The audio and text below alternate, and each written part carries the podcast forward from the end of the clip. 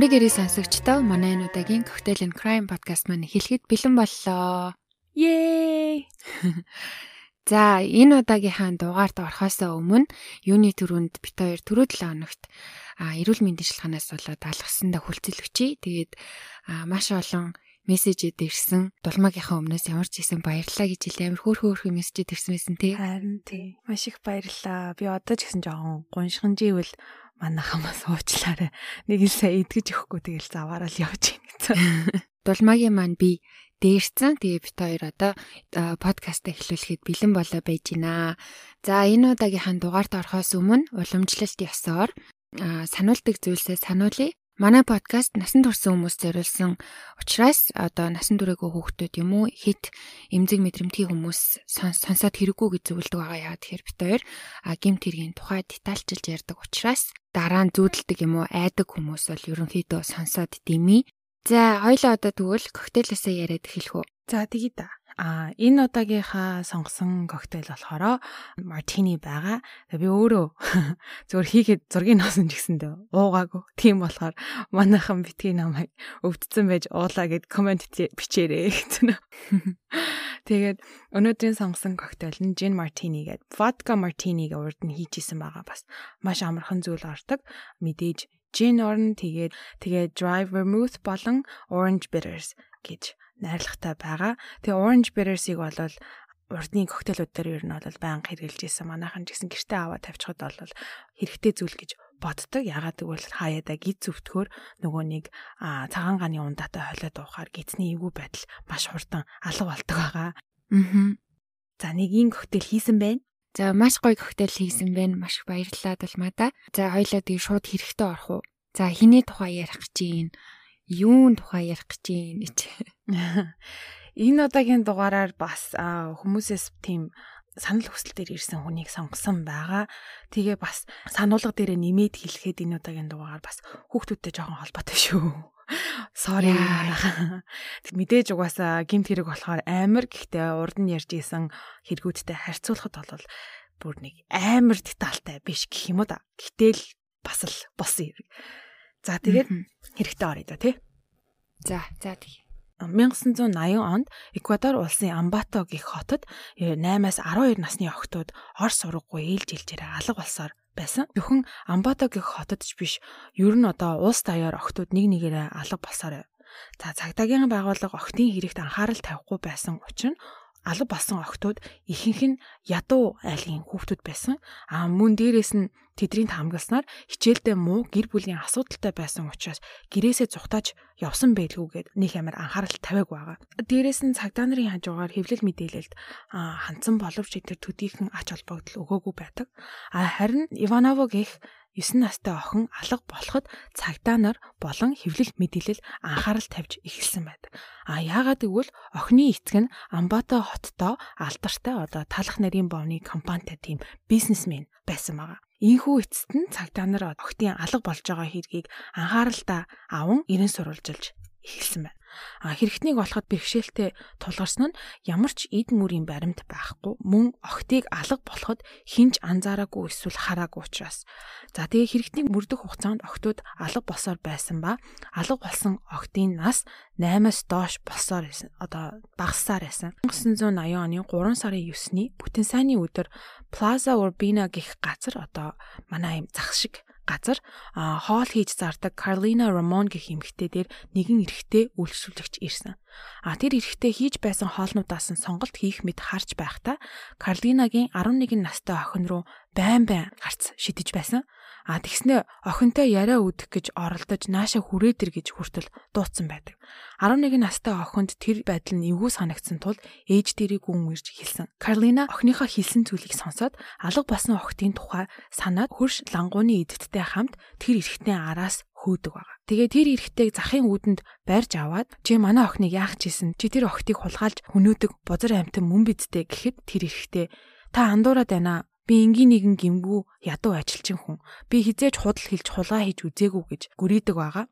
А гисэн хэдиж Карлина болон хамт байсан хүмүүс түүнд итгээгүй учраас цагдаа нарын эртэл түүнийг хорин баривчилсан байна. Эрэгтэй хилтсээр аваачин мэдүүлэг авахд түүнийг Колумб улсын иргэн болох Pedro Alonso Lopez гэдгийг илрүүлсэн. Түүнийг эхлээд хүчилж алга болсон охтын талаар байцаасан боловч тэр юу ч ярихыг хүсэв. Аргаа ойроод төр завсарлаж хідэн цаг хүлээсний эцэс байцаалтыг Кордова гих байцаагч үргэлжлүүлэхээр болсон байна. А Кордова нь тухайн хэлцийнхаа ахлах мөрдөгч байсан бөгөөд Педрогийн аргыг олж түүнтэй найрсаг харьцаж түүнийг онгойлгож чадсан байна. За ийхүү Педро бүх үннээ өчөж эхэлсэн. Педро хэлэхдээ сүүлийн 7 жилийн турш Колумб, Эквадор болон Перу улсаар тэнүүжлэн явж бага насны охтыг хөнөөснөө илчилдэг. Түүний хохирогчийн тоо 300-аад нилээд гарсан. Мэдээж одоо 300-аас дээш одоо хохирогчтой дээрээс нь бас бага насны охтуудыг хүчрхийлж хөнөөсөн учраас иймэрхүү мэдээлэл бол хэвлэл мэдээлэлээр маш хурд хурдтай тарна. Пежогийн хэрэг хэвлэл мэдээлэлээр шуурхаа тарсанд Пежод маш их таалагдсан. Яагаад гэвэл Пежод анхаарлын төвд байх нь маш их таатай санагцсан аятай бараг ярилцлага авъя гэсэн болгонд ярилцлага өгсөн байдаг. А түүний зарим бичлэгийг үзэхэд хаана хизээ хэнийг яаж хөнөөсөн талаараа баяртай бүр бахархалтай наргагүй ярьж байгаа нь харагдсан. Тухайн ярилцлагуудыг ингээ харахаар бас болоогүй за а одоо амьдрал ба үхлийн талаар тийм амар философи хүртэл ярьдаг байгаа. Хүний амьсгал зогсож, нүд нь харанхуулж, үхэлд хүрэхэд өөрийгөө хэн гэдгийг хүн умартаж тэр гүн харанхуулуу ундаг тэрнээс өөр зүйлийг мэдгүй болдог гэсэн нэг балаа балаа ингээл юм яриад бас ярилцсан дундаа хэлсэн нэг зүйл нь энэ бүх зүйл чухал түүх болон үлдэнтэй гэж асуусан байна. Би өөхөд дэндүү залуу байна штэ гэд энийгээд ярьдаг байгаа.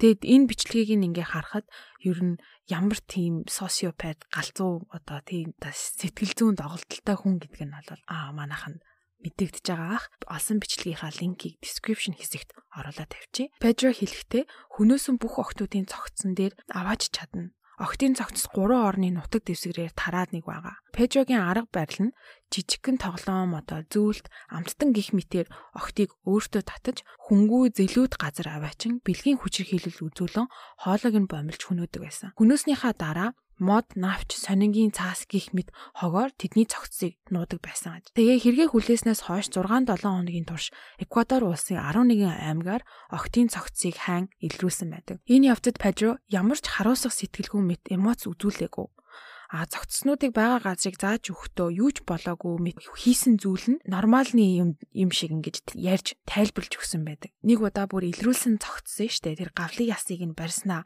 хэргийн газрын зурагчинд миний зургийг аваад өгөөч гэд энийгээд цогссон гэдэг. Хамгийн түрүүнд алдсан охины цогцыг илрүүлэхэд охины гэр бүл болон маш олон энгийн иргэд байсан бөгөөд уурандаа Педро руу чулуу шидэж түүнийг одоо бэртэх гэж алах гэж оролцсон байдаг. А тэгээ энэ явдлаас болоод охтыг хайсан 6 6-7 хоногийн турш Пежог цагдаагийн хувцас өмсүүлэн яв. Яагаад гэвэл хүмүүс угаасаа Пежог хэн гэдгийг мэдэхдээ шууд дайраад асуудал гаргаж исэн учраас. Хохирогчдын гэр бүл болон ард иргэдтэй адилхан цагдаа нарч гэсэн Педрог хашраамаар байсан хэдий ч одоо мэдээж түүний мэдих бүх информацийг авахын тулд Педрогийн хүссэн зүйлийг хийсэн байдаг. А жишээ нь гэвэл Пежо кофе уумаар байн, тамиг татмаар байн гин гут нь бүх зүйлээр нь хангаж өгч исэн мөн шарсан дахиа хүүтэн пяв гэх мэт тансаг хоол захиалахад дургуцахгүйгээр хүссэн бүх зүйлийг нь биелүүлсэн байдаг. За тэгээ ихэнх хохирогч нар нас бараад утсан учраас араг яс болон хуцснаас өөр зүйл олдоогүй. А тиймээс хохирогч нарын хинбэ гэдгийг нь тодорхойлоход нэлээд цаг хугацаа орсон хэдий ч 57 охтын цогцыг илрүүлсэн байна. Одоо 57 цогцос олдчихлаа. Өөрийн хэлснээр 300-аад охины аминд хүрсэн хүчирхийлэл үзүүлсэн энэ хүн хинбэ? Pedro Lopez гэж хинбэ? За Pedro Alonso Lopez нь 1948 оны 10 сарын 8-нд Santa Isabel гэх хотод айлын 7 дахь хүүхэд болж мэндэлсэн байна. Түүний эцэг нь Medardo Reyes гэх хүн Колумбийн консерватив намын гишүүн байсан бөгөөд Колумбийн иргэний дайны үеэр нас барсан. Тэр үед Педро ээжийнхээ хөвлөд 3 сартай байсан. А түүний ээж Бенелда хэлэхдээ Педро баг багтаа маш ухаалаг найрсаг хүүхэд байсан бөгөөд том болоод багш болох мөрөөдөлтэй байсан. Бага ангидаа бичиг үсгээ бусад хүүхдүүдээс төргөн сурсан ба найзуудтай үсгээ цээжлэхтэн хүртэл тусалдаг тийм хүүхэд байсан аж. А гэхдээ Педрогийн ээж Педро хоёрын бага насных нь тухай дуртахтаа шал ондоо түүх ярьдаг байгаа. Педро хэлэхдээ тэр эмэгтэй тогшин байсан. Миний бодлоор эрүүл лав биш. Намайг маш хэрцгий зодож шийтгэж өсгсөн. Бас тэр эмэгтэй биеэ үнэлдэг байсан бөгөөд үйлчлүүлэгч нар нь түүнийг зоддог байсан. Тэр уураа надад гарах гэж намайг бас зодож хүчирхийлдэг байсан гэж Пежо хэлсэн байдаг. Мөн ээж нь биеэ үнэлдэг байсан учраас эцэг нь хин гэдгийг мэддэхгүй 13 хүүхэдтэй гэж зарим мэдээллүүд дурдсан байна лээ. Пежо 8 настай байхдаа гэрээсээ цухтан гэрээсээ цухтан Колумб улсын нийслэл болох Богота хот руу ганцаараа явсан байдаг. За өмнөхд Америкт ер нь бол гэр оронгүй хүүхдүүд маш олон байдаг. Одоо хүртэл байсаар тухайн үед Педро хог ухаж хулгай хийн ам зогоох болсон бөгөөд өөрийгөө хамгаалахын тулд өөртөө адилхан одоо гудамжны хүүхдүүдийн одоо бүлгэмд нэгдсэн байдаг. Тэр бүлгэмтэй нэгдэж хулгай хийж зодон хийж одоо хутгатай хүн рүү дайрах гих мэтийг суралцсан. Дээрээс нь басука гих гудамжны хар тамхи хэрэглэж эхэлсэн бөгөөд одоо бүр бага наснаасаа дөнгөж 8 настай байхдаа тэр хар тамхиг хамгийн анх хэрэглэж эхэлсэн байдаг. Тэр нь болохоор кокаины тийм бохор хуйлбар нь Пежо бага насныхаа тухай дурдж байхдаа хэлсэн нэг зүйл нь бэлгийн хүчээр хийлэл өртсөн гэдгээ хэлдэг байгаа. Удамжинд ам зоогож байхад нь нэгэн эрэхтэй Пежод хоол болон унтах хоор санал болгосон байдаг. Манайд хурж ирээд бай би чамайг хооллъя. Пежо тэрэнд нь итгээд хамтдаа явсан. Тэр эрэхтэй Пежог дутуу баригдсан тийм хаягдсан барилганд аваачин түүнийг бэлгийн хүчээр хийлэл оруулсан байгаа. Тэгээ өөрийнх нь хэлснээр би гимгүү жаахан хүү байсан тэр миний цайлган сэтгэлийг үгүй хийсэн гэж сүлд өөрөө дурддаг. За тэгээ тэр явдлаас хойш насанд хүрсэн эрэгтэй хүн бага насны эрэгтэй хүүхдүүдийг дээрлэж байхыг харвал би зохицуулдаг болсон гэж өөрөө бас сүлд дурсан. Тухайн үед яагаад тэр явдлын тухай цагдаад мэддэггүй асуухад яагаад гэвэл гудамжны гэр оронгүй хүүхдүүд цагдаа нар хизээж тоохгүй. Хууль зөвхөн мөнгөтэй хүмүүст үйлчилдэг гэж хэлсэн байна. За ийхүү явсаар 10 настай байхад нь Боготод амьдрах Америк эхнэр нөхөр хоёр Педрог өргөдөөд гэртээ байлгаа зогсохгүй сургуульд хүртэл оруулж өгдөг байна. Педро 12 нас хүртлээр сургуулийн дотор байранд амгалан тайван одоо амьдарч суралцж байхад нэгэн золгүй явдал тохиолддог байна. Түүний багш нарын нэг нь Педрог бэлгийн хүчээр хийлэлд оруулсан. Энэ явдлаас болоод сургуулийн офисаас хамаг мөнгийг нь хулгайлан цухтааж буцаад гудамжны амьдралд орсон байдаг. За ийхүү буцаад гудамжны амьдралд орсноос хойш 13 жилийн дараа буюу 21 настай байхдаа машин хулгайлсан хэрэгээр 2 жилийн ял авсан. Жохон байхдаа одоо жижиг хулгай хийдэг байсан нь одоо нас ахих тусам хүн дэрсээр агаад машин хулгайлж салгаад одоо сэлбийг зарж эхэлсэн байдаг. За ингээ машин хулгайлсан хэрэгээр 2 жил аваад хорих ангид ороо хоёр хонж байхад түүнийг камерт нь байсан хоёр дэ хоригдол хүчинсэн байдаг. Хэдэн хоногийн дараа Педро өшөөгөө авахын тулд тулд байгаа зүйлсээрээ хутга шиг тийм эртээ юм хийгээд тэр хоёр хоригдлыг хүнөөс. За өөрийгөө хамгаалах гэж тэр хоёрыг хүнөөсөн гэж үзээд Педрогийн ялыг нэмээгүй 2 жил хоригдоод гарсан байна. 71 онд хорих ангиас суллагдаад Эквадороос Перу улсыг зорьсон байгаа. Тэнд байх хугацаанд ядуу 8-аас 12 насны охтыг бай болгон хөнөөж эхэлсэн. Педро охтыг хизээж хүчээр хулгайлж байгаагүй. Харин төөрсөн мэд жүжиглэж эсвэл гой амттан үгийг гих мэтээр хуурч охтыг дагуулж ав. Охтыг дагуулж аваад хүний хөлөөс хол газар аваацсны дараа хүчрхийлдэг байсан бөгөөд хамт хоноод маргааш нь өглөө дахин хүчрхийлсний дараа боомлж хөнөөдөг байсан сая дурдсан шиг алга болсон охтууд ихэнх нь ядуу гаралтай байсан учраас цагдаа нар болон хэвлэл мэдээлэл ер нь бол ач холбогдол өгөөгүй байдаг. Ийхүү 8 жилийн турш Перу улсад охтын хүнөөсөөр шинэ хохирогч хайн 79 онд Эквадор улсыг зорьсон байна. Ийхүү Карлина гих эмэгтэй болон түүний одоо төргөн шаргуу сэтгсэн байдлаас болоод баригдаж хэрэгэ хүлээсэн. Өөрөө хэрэгэ хүлээхдээ а яг хідэн охтын амьд хүрсэн бэ хідэн охтыг хүчээр хийсэн бэ гэж асуухад тэр хэлэхдээ яг тоог нь мэдэхгүй байна. Гэхдээ ер нь бол 300-а 300 нилээд гарсан байгаа хэлсэн байдаг. За тэр 300 нилээд гарсан тооноос 57 зогсыг илрүүлж 110 хүний аминд хүрсэн хэрэгээр ялах хүрсэн байдаг. За тэр 110 хүнээс 57-гийн зогц нь олцсон харамсалтай нь 53-ын зогц нь олдоогүй хэдий ч яг Пежогийн ярьснаар одоо түүний байж исэн газар одоо ер нь ингээд тайлбарлсан бүх юмыг ингээд тулгаад үцхэд яг алга болсон охтуудтай тэр үлдсэн 53 охтуудтай яг таарч исэн учраас 110 хүний аминд хүрсэн гэж шүүхт дутсан байна. Ингээд түүний шүүх хурал болоход мэдээж ямар ч асуудалгүйгээр хуулийн хамгийн дээд ялаар түүнийг шийтгсэн байгаа.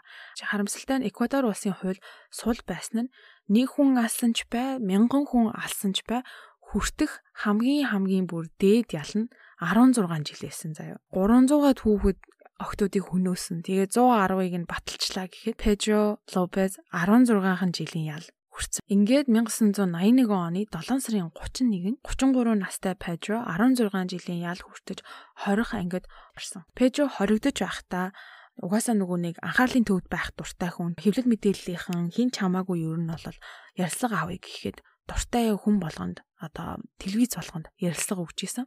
Тэгээд өгсөн нэг ярилцлагандаа дурдахдаа миний бага насыг хулгайлсан учраас би хариугаа авахыг хүссэн. Тэд ядуу хүүхдүүд байсан. Хинт ч угаасаа хэрэггүй. Тиймээс би тэднийг насаараа ядуу амьдрахаас хамгаалсан. Тэд миний хүүхэлдэйнүүд байсан. Дурдсан байдаг. Дээрээс нь тэд нар угаасаа угаасаа диваажинд явна. Одоо энэ ертөнцийн дээр дэлхий дээр ядуу амьдарч ийснээс диваажинд ад жаргалтай баян амьдарсан хамаагүй дээр би тэдний амьдралыг угаасаа аварсан гэж хэлсэн байдаг. Өөр нэг ярилцлаганд хэлэхдээ миний дотор Хорхе Батино гих хүн байгаа. Би энэ хэрэгүүдийг ерөөсөө үйлдээгүй хор хэл хийсэн. Угаасаа үгэнд нь орохгүй бол намайг алах гатсан юм чинь гэж дурдсан байдаг. Мэдээж түүний сэтгцийг оншилсан байдаг. Оншин sociopath болон antisocial personality disorder буюу одоо тэр их чинь нийгмийн эсрэг эмгэг гэдэг үлээ тий. Тийм нийгмийн эсрэг эмгэгтэй буруу зөвийн ялгааг мэдэхгүй гимших хүнийг хайрлах, хүнийг өрөвдөх ямар ч эмоц байхгүй гэж оншилдог. Antisocial personality эмгэгтэй хүмүүс чинь ер нь бол маш тийм одоо юу хэмдэ ухаалаг яриатай байдаг. Тийм болохоор хүмүүсийн толгойг эргүүлэхдээ маш мундаг байдаг. Бит хоёрын урд нь ярьжсэн дугаарууд дээр гарч исэн да. Жишээлбэл миний санахын одоо Ted Bundy, Edmund Kemper гэх хүмүүс ч юм ер нь бол бүгдээрээ antisocial personalityтэй байсан. За тэгээ хоригдож байх хугацаагаа хар тамхи татаж зоос сийлж өнгөрүүлсэн байгаа. А тэр сийлдэг байсан зооснууд нь нэг талдаа бурхантай нөгөө тал нь чөтгөр байгаа байдалтай сийлдэг байсан байгаа. За ингээ 14 жилийн дараа үлгэр жишээ хоригдол байсан учраас эрт суллагдсан. Суллагдаад нэг цагийн дараа дахин баривчлагдсан байдаг. А яагаад вэ гэхээр Эквадор улсад хууль ёсны бичиг баримтгүй байсан тул Колумб улс руу ачигдсан. Колумб улсд очоод түүнийг хүн амны хэрэгээр хорих гэж шүүх эхэлсэн ба албан ёсоор галзуу хэмээн тогтоож сэтгэл мэдрэлийн имлэгт хорьсон хэдий ч 1998 онд хоёр нөхцөлтэйгээр суллагдсан байгаа. Нэгт сэтгэл мэдрэлийн эмнэлэгт ирж эмчилгээгээ тогтмол хийлгэх ёстой. Хоёрт сард нэг удаа шүүгчтэй уулзаж одоо өөрийгөө байгаа байдал болон хаана байгаа яаж амьдарч байгааг мэдүүлэх ёстой. За ингээ 98 он суллагдсныхаа дараа ээж дээрээ очиж өөрийн өвлөж авах ёстой хөрөнгийг ээжээсээ нэгсэн ба. Ээж нь хэлэхдээ над чиг ядуу хүн чамд юу өгөх вэ гэхэд надад энэ ор нэг сандал хоёроос өөр юм юу ч алгаа гэхэд Пежо тэгвэл над хоёрыг чинь үүдэнд гаргаж тавиад зараад би авах ёстой юм аавна гэж хэлээд ээжийнхаа ор сандал хоёрыг үүдэндээ үүдэндээ гаргаж тавин зарсан байдаг. Нэг эмэгтэй Тэр сандал ор хоёрыг нь худалдан авсны дараа Педро мөнгийг нь аваад ор сураггүй алга болсон. За ингээ 98 оноос хойш Педрог хаана юу хийж явж байгааг хинч мэдэхгүй. Тэгээд 2002 онд Интерполоор албан ёсоор хайж байгааг зарласан байгаа. Яагаад гэвэл маш олон хүмүүсийн аминд хүрсэн certified sex offender шүү дээ тийм ч одоо бага насны хүүхдүүдийг бэлгийн хүчирхийлэлд оруулж исэн гэхээр за одоо ингээд амьд үгүн мэддэхгүй 73 настай өвгөн байгаа байгаа ч юм уу байхгүй ч юм уу. Ямар ч байсан хүмүүсийн таамагласнаар болохоор мэдээж одоо маш олон охтуудын аминд хүрсэн маш олон ар гэр бүлийг те сэтгэлийн тамд унгаасан учраас түүний араас хөөж байгаа хүмүүс бол маш олон байгаа. Тийм учраас хүмүүсийн таамагласнаар зэлүүд газар одоо модонд парк ууланд амьдэрдэг гэж хүмүүс таамаглд юм билэ. Аа. Йоо ямар амар юм бэ. Бүхэл бүтэн 300 хүүхэд гээд өөрөө бүр хэрэгээ хүлээгээд ах чинь яхаараа тэгж ирц сулдаг байна тий. Сэтгцийнх нь эрүүл мэндээс болчвоо. Дээрээс нь Эквадорын энэ хуулийг нь бас бодоод гайхчихлаа. Хамгийн одоо хүнд хамгийн одоо хамгийн хамгийн ял нь 16хан жил. Одоо 2021 оны хувьд болохоор тэр нь 25 жил болж нэмэгдсэн гэсэн. Тэгсэн хэдий ч одоо ерөөсөө за яг цаазын ялыг маш мартлаа гэхэд ядаж насаар нь хойрох тийм ял ахгүй. Хідэн хүүхэд хүн хүчирхийлж хөнөөсөн байсан ч хамаагүй 25 жил. Сони тий нэрээ. Тэгэхээр ч одоо бараг юу юу ч хийж исэн гэсэн 25хан жил гэж бодох хүмүүс ч бас байхыг үгүйсэхгүй. Бас л сул юм аа. Сони. Тийм. Пежогийн хувьд ингээ харахад ээж нэг юм яриад, өөрөө нэг юм яриад тий. Ээж нь болохоор хичнээн би ядуу байсан ч гэсэндээ тийм муухай одоо хэрцгий одоо зовлонтой хүүхэд нас үзээгөө гэж өөрөө ярьсан. А Пежо өөрөө хэлэхдээ манай ээж бие үнэлэгч байсан, үйлчлэгчтэй задуулдаг. Тэрнээсээ болоод ууранда намайг хүчирхийлж зоддог байсан гэж мэдүүлсэн. Тэгэхээр амар ингээд яг яг юу нь аль нь үнэн гэдэг мэдэхгүй.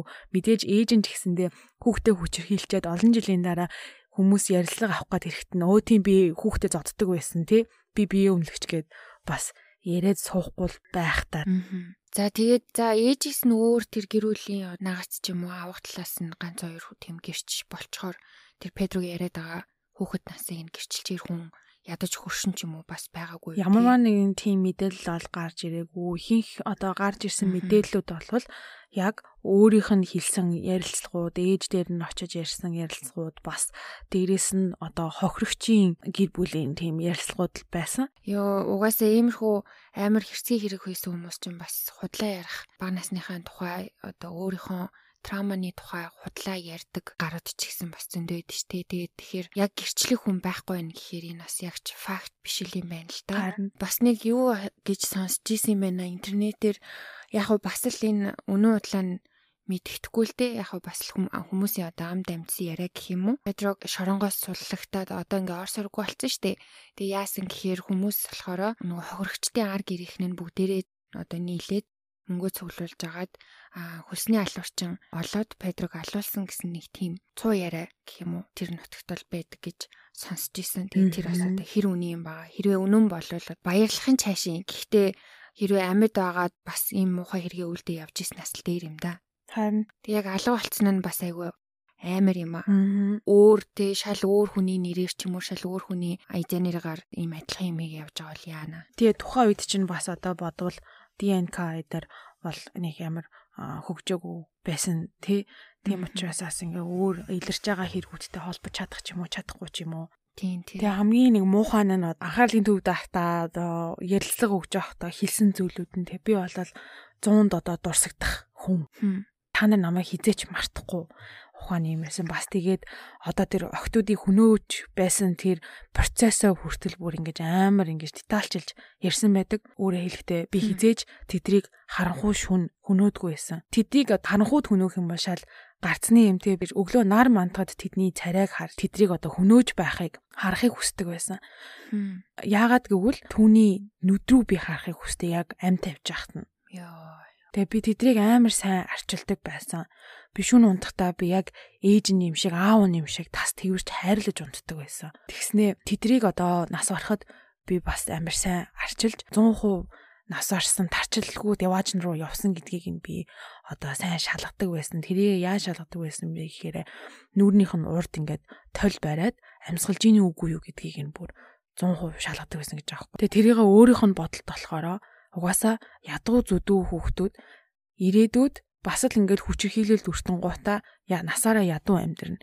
Тэгснийхээ оронд эртэн шиг одоо миний гарт ороод нас ороод деважн руу явсан дээр гэж өөрөө өөртөө тийм бодолтойгоор энэ бүх хэрэгүүдийг үйлцсэн байгаа байхгүй юу? Худлаа өөрөө тэр хүн алах процесстэй тэрнээсээ амар кайф авдсан байж ич өөрөө өөрийгөө өөртөө буруутгахгүй гэж өөрийгөө тайвшруулчих гэх юм уу тийм үгээр бас өөрийгөө бас хуурдаг гэсэн л ах л та амар юм аа. За нэг ийм нэг хэрэг байна. Харамсалтай. Үнэхээр тэр 300-га тохон ёо бас амар сонсож байгаа. Аа. Тэгээ угаасаа яг нөгөө нэг 100% батлагдаагүй болохоор яг тэргээ хэлж хэлж чадахгүй. Тэгээ яг одоогоор дэлхийн нийтэд бол хамгийн их одоо хохирогчтой цуврал алуурчин гэж Pedro Alonso Lopez-ийг ер нь бол тодтод юм байлээ. Хм 300-аас дээш одоо хохирогчтой гэхээр чинь бас биш үү шүү. Тэ амар юм. Хоёлоо бас анх удаа Өмнөд Америк руу гарч уу. Тэг шиг боллоо. Урд нь бол нэг юм ярьж байгаагүй мөн би яг яг нөгөө нэг өмнөд Америк өөр хэл рүү англиас өөр хэл рүү болцоороо бас ингээ 9 шидийн информац олоход жоохон бэрхжим шиг санагдаад байсан аахгүй. Тэгээ энэ одоо яг нөгөө Пежо Лопес ч бас нилээн одоо нэрд гарцсан болохоор информац бол бас нилээн гарч ирж исэн. Гэхдээ яг нөгөө нэг дандаа л ижлэхэн информацууд тий. Би амар гайхсан юм нь 8 настайдаа гэрээсээ зугтагаа боготод одоо гудамжинд амьдарч байхдаа эрэгтэй хүнд хүчин дүүлсэн гэж ярьсан тий. Тэгээ бас 12 настайдаа эрэгтэй багштай хүчээр хилүүлж исэн гэж ярьсан. А 20 ангид ороод бас эрэгтэй хүнд хүчээр хилүүлж исэн гэж ярьсан. А гисэн хідэж би юусоо ойлгоогүй нэг юм юу вэ гэхээр гарч ирэнгуудаа яагаад Пежогийн хохирогч нар дандаа жоохон хогтууд исэн юм бэ тий. Тэг яг өөрөө хилжил байсан л да. Би өөрөө өөрийнхөө тий одоо гинэн хонгор тэр байдлыг алдчихсан болохоор одоо бусдаас авахыг хүссэн гэж хэлсэн байсан. Гэхдээ урдны ер нь бит хоёрын ярьжсэн цуврал алуурчин дээр дандаа яг өөрийг нь хүчрхийлж исэн, өөрийг нь дээрлэгч исэн, өөрийг нь одоо травмад оруулж исэн яг хүмүүстэй адилхан хүмүүсийг ер нь бол байгаа болгож сонгож авдсан шүү дээ. Аа Тэгээ энэ удаад болохоор бас нэлээд өөр байхад би бас гайхчихлаа. Нэрээ тийм байх те. Ерөөсө бодож үзээгүй байсан юм биш үү? Дандаа яг эсэргээр яг одоо нэг ёсондоо нэг юм өөрөө өөр шигээ одоо хүчирхийлэлд өртгөөс өмнөх Педрог бай болгож исэн юм шиг надад амар санагдсан. Аа. Тэг бүр амар гэлцөөг нь одоо бүр амар задлах задлаад явчлаа. Тэгсэн чинь би бас бодохдоо яагаад бас одоо яг өөр шигээ тий өөрийнхөө тийм innocent адилхан тийм гинэн үеийн пажотой адилхан хохирч нарыг сонгож исэн бэ гэхээр тэр басан явдлаасаа болж өөрөө өөрийгөө амар үзий ятсан болов өөр өөрөөсөө амар хэцүү юм болов угаасаа нүг жиргэл басны дараа одоо мэдэрдэг нэг мэдрэмж чинь одоо шэм штэ өөр өөрөөсөө ичих. Өөрөө өөрийгөө үзий ядах өөр өөрөөсөө болоод өөрийгөө буруутгах гэх юм уу та. Маш олон кейс төр харагддаг тий. Тэрнээсээ болоод одоо яг өөршгөө тийм хүүхдүүдийг сонгосон болов гэж ботсон. Амар юм аа. Аха, нэрээ тийм байж болох юм тий. Хэдэн жилийн турш аа Өмнөд Америкийн улсууд болох одоо Колумб, Эквадор, Перуг донсолгосон нэгэн нэгний тухайн ярьла. Энэ Өстө нэг амилсан чөтгөр гэдэг шиг араатай юм аа нэрээ. 100 эд охтууд тэгснээ өөрөө болохоор 300 эдгээд байдаг бас л амар юм. Өстой амар хэрэг байлаад улмаа минь одоо энэ хүүхдтэй холбоотой хэрэгүүдийг чи бүр спешиалист боллоо.